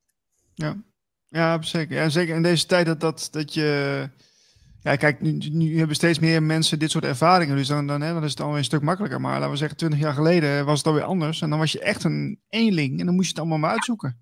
Dan ja, moest je, ja, er was wel iets op internet te vinden natuurlijk. Maar ja, dan je, ben je toch misschien wel overgeleverd aan bibliotheken of zo. Van, of mensen die dan, uh, daar iets van weten. Maar ja. Ja, ja. maar dat waren veelal ook de boeken van, uh, nou ja, hè, uh, misschien honderd jaar geleden. Esther Casey of mevrouw Blavatsky of ja, dat was ook alweer een heel ander verhaal. Hè? Dat was dan ook al eigenlijk bijna antiek.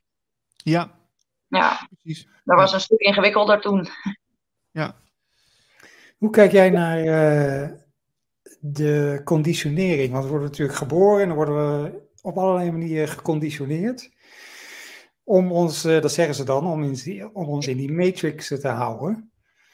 Maar als ik jou nou hoor, dan denk ik van, ja, maar dat is, dat is peanuts eigenlijk bij uh, een soort trauma dat ons afhoudt van wie we echt zijn en bij die, bij die, bij die lichte kracht. Ja, dat is allemaal met elkaar verweven natuurlijk. Hè? Kijk, ik denk ook iemand kan macht over je hebben. Hè, of macht op jou uitoefenen, maar hè, ergens daarin van invloed op jou zijn op het moment dat je wonden hebt. Dus als jij je al onzeker voelt of als jij al niet je verantwoordelijkheid durft te nemen, is het veel makkelijker om te luisteren naar wat die ander vertelt, want die weet het dan beter.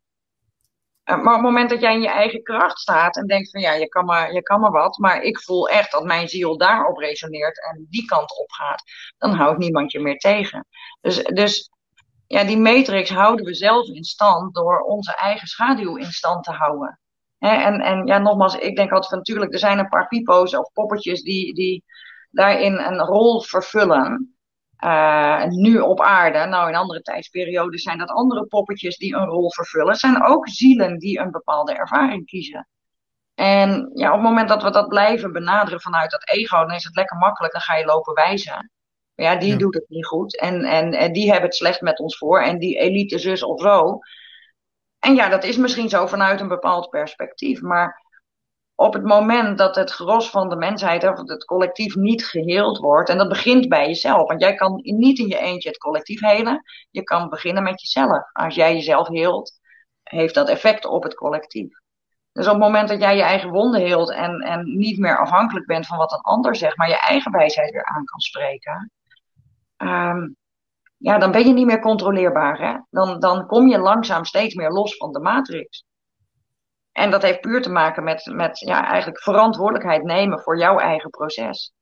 En op het moment dat je niet aanwezig durft te zijn in jouw lijf, in je gevoel, in je basis, in je gronding. Uh, ja, weet je, dan blijven we tot op zekere hoogte blind. En blijven al die conditioneringen en overleefsystemen bestaan.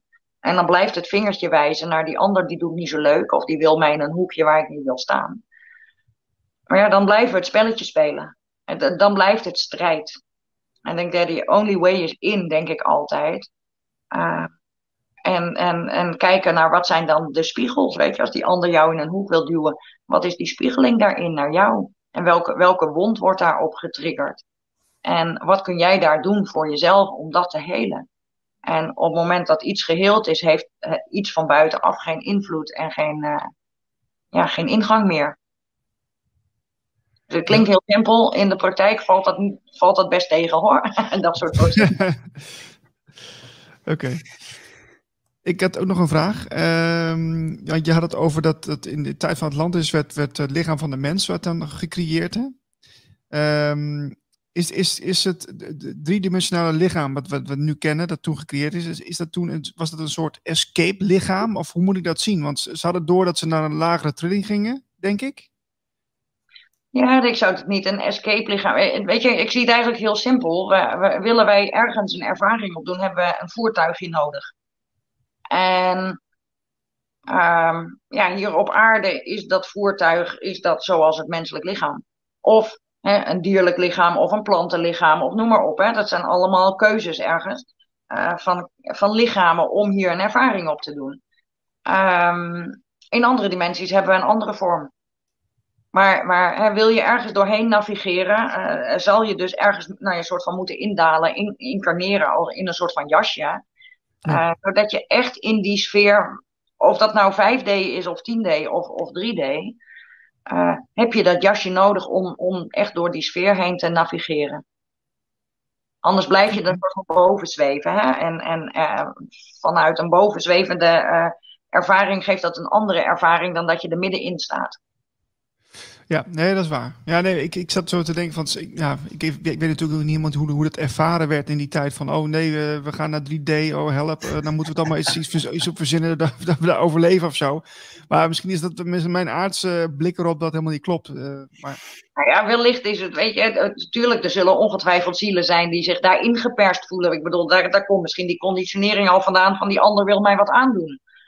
Hè, dat kan echt zo'n heel diep geworteld ding zijn.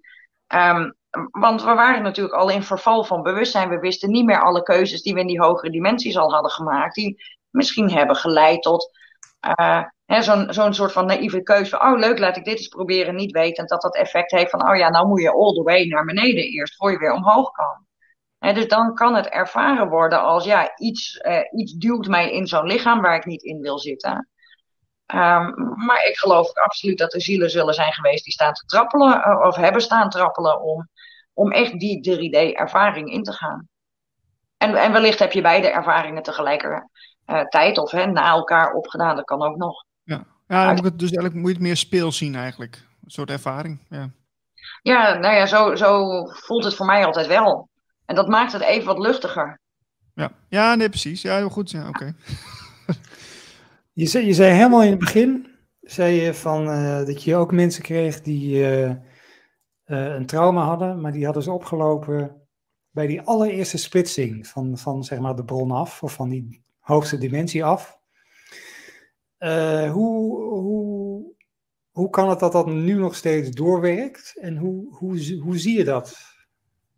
Nou ja, uiteindelijk eh, denk ik rimpelt dat door alle dimensies gewoon heen. Het feit dat je, en al is het een eerste gradatie uit heelheid stapt, in, dat is een bepaald perceptie uh, natuurlijk van, uh, van ervaring. Want, want tegelijkertijd is alles, is alles er. Dus we zijn ook nog steeds rond. Alleen een bepaald perceptiedeel in ons heeft die ervaring van splitsing opgedaan. Uh, en ik denk uiteindelijk dat dat het oertrauma van iedereen is.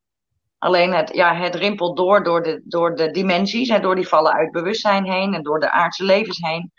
Maar bij de een ligt dat misschien meer op de voorgrond uh, dan bij de ander. Uh, maar ik denk, uiteindelijk denk ik ook dat dat de grootste drijfveer is van het zoeken naar heelheid en, en licht. En liefde en wat je, hoe je het allemaal maar wil noemen. Omdat we ergens nog, nog ja, toch in ons systeem iets hebben van we zijn niet volledig heel meer. En dat is ook dat is een perceptie, want, want als je daar bovenuit reist, zul je zien, oh, ik was nog al die tijd heel. Of ik moet nog beginnen aan die hele schepping. Uh, en alles is er tegelijkertijd. Maar weet je, dat maakt het voor dat menselijk brein echt uh, onbegrijpelijk. Ja. ja. Je had het ook over uh, Egyptische en Atlantische poorten, hè? Uh, wat, wat, bedoel je daar precies mee? Um, ja, nou, dan snij je wel weer een heel groot onderwerp oh. aan. Sorry. ik, zal, ik zal het kort houden. Ik, um, ja, wat, wat ik zelf op een gegeven moment heel sterk heb herinnerd, is dat ik zowel uh, Lemuria, Atlantis als uh, Egypte echt heb gezien als een soort van poort waardoor zielen op aarde kunnen incarneren. En dat Lemurische veld hè, was natuurlijk nog niet verdicht, dus dat is etherisch. Dus dat is de eerste gradatie om richting de aarde te gaan komen. Um, dat was meer de etherische aarde, zou je het haast kunnen zeggen. En het Atlantische veld en het Egyptische veld dat waren echt, nou ja, noem het landingsplekken. Uh, daar, daar waren, uh, waren ja, coderingen, uh, energieën aanwezig, potenties aanwezig, waardoor we echt in dat fysieke lichaam konden gaan komen. Dus echt als geïncarneerd mens op aarde. Ah, zo, oké, ja. Ja, nu, nu heb ik er een beeld bij, oké. Oké. ja, ja, ja, ja, ja, Maar dan is Atlantis ook veel ouder dan 40.000 jaar geleden. Ja, waarschijnlijk wel.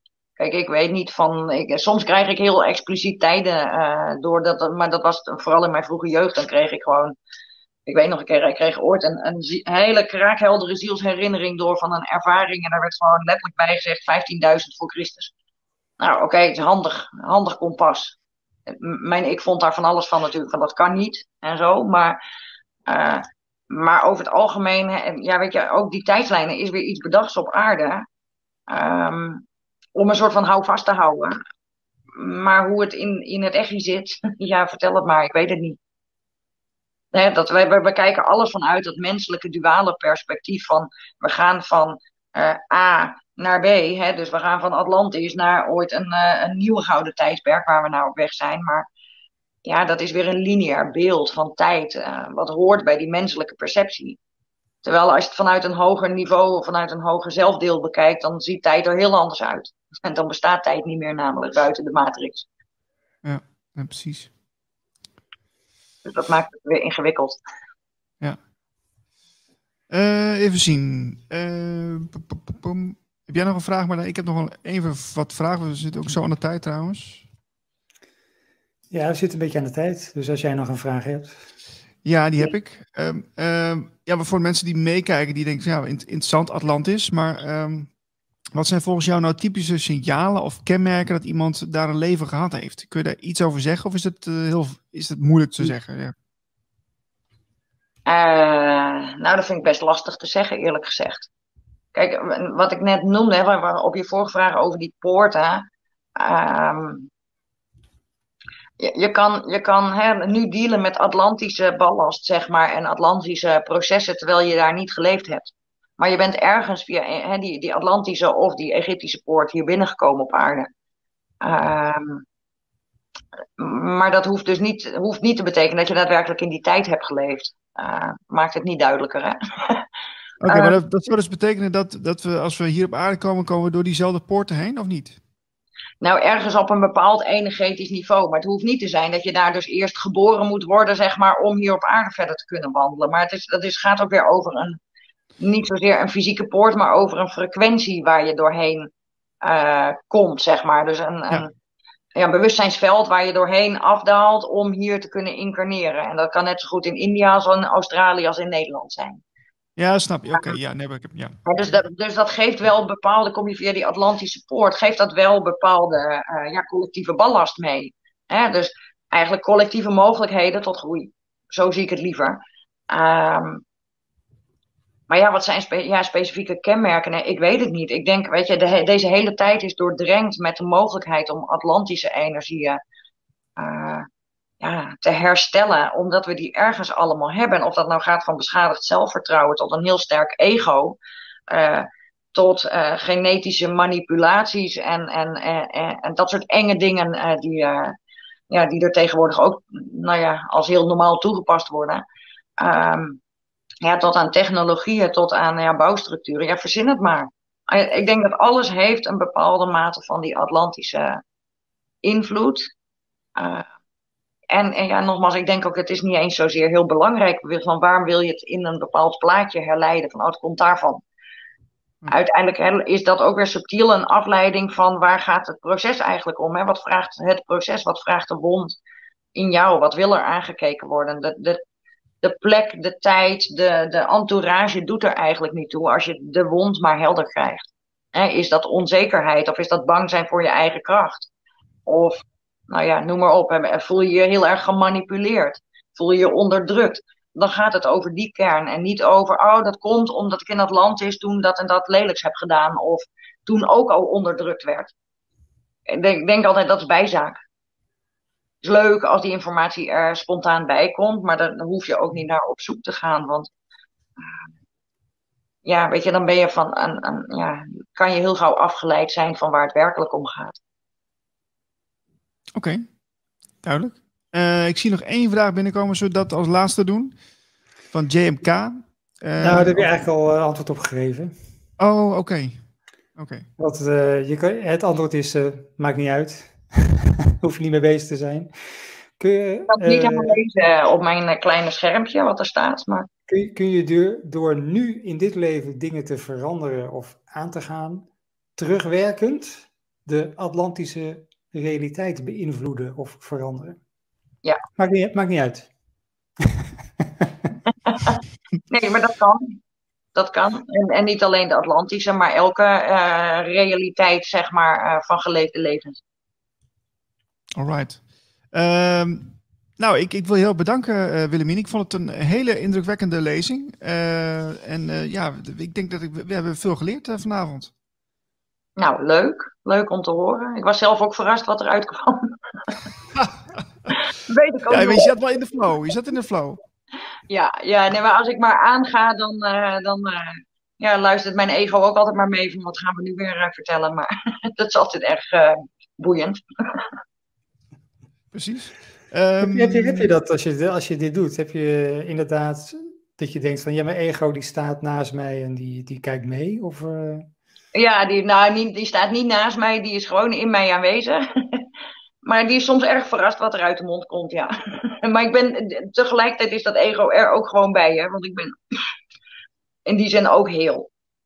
Uh, althans, op weg naar die heelheid. Maar ik kan, ik kan dat, ja, is wel een onderscheid in gevoel van, hey, wanneer staat ego aan of wanneer staat, zeg maar, mijn hoger lijntje aan.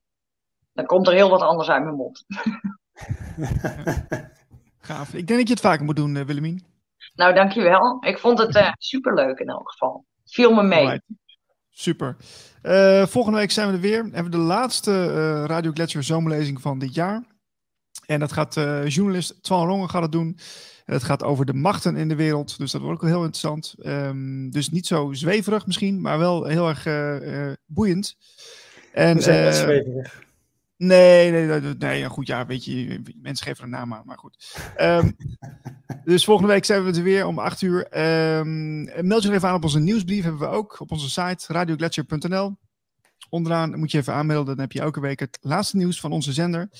Wat je natuurlijk niet wilt missen. En we zitten ook op Twitter, Facebook, uh, Instagram. Dus meld je daar even aan en dan uh, volg je ons op de voet. Um, nou, dan denk ik dat we eruit gaan. Het wordt uh, lekkere warme nacht. Dus ik wens iedereen een hele rustige nacht. En tot volgende week. Bye bye. Doei doei. Doei.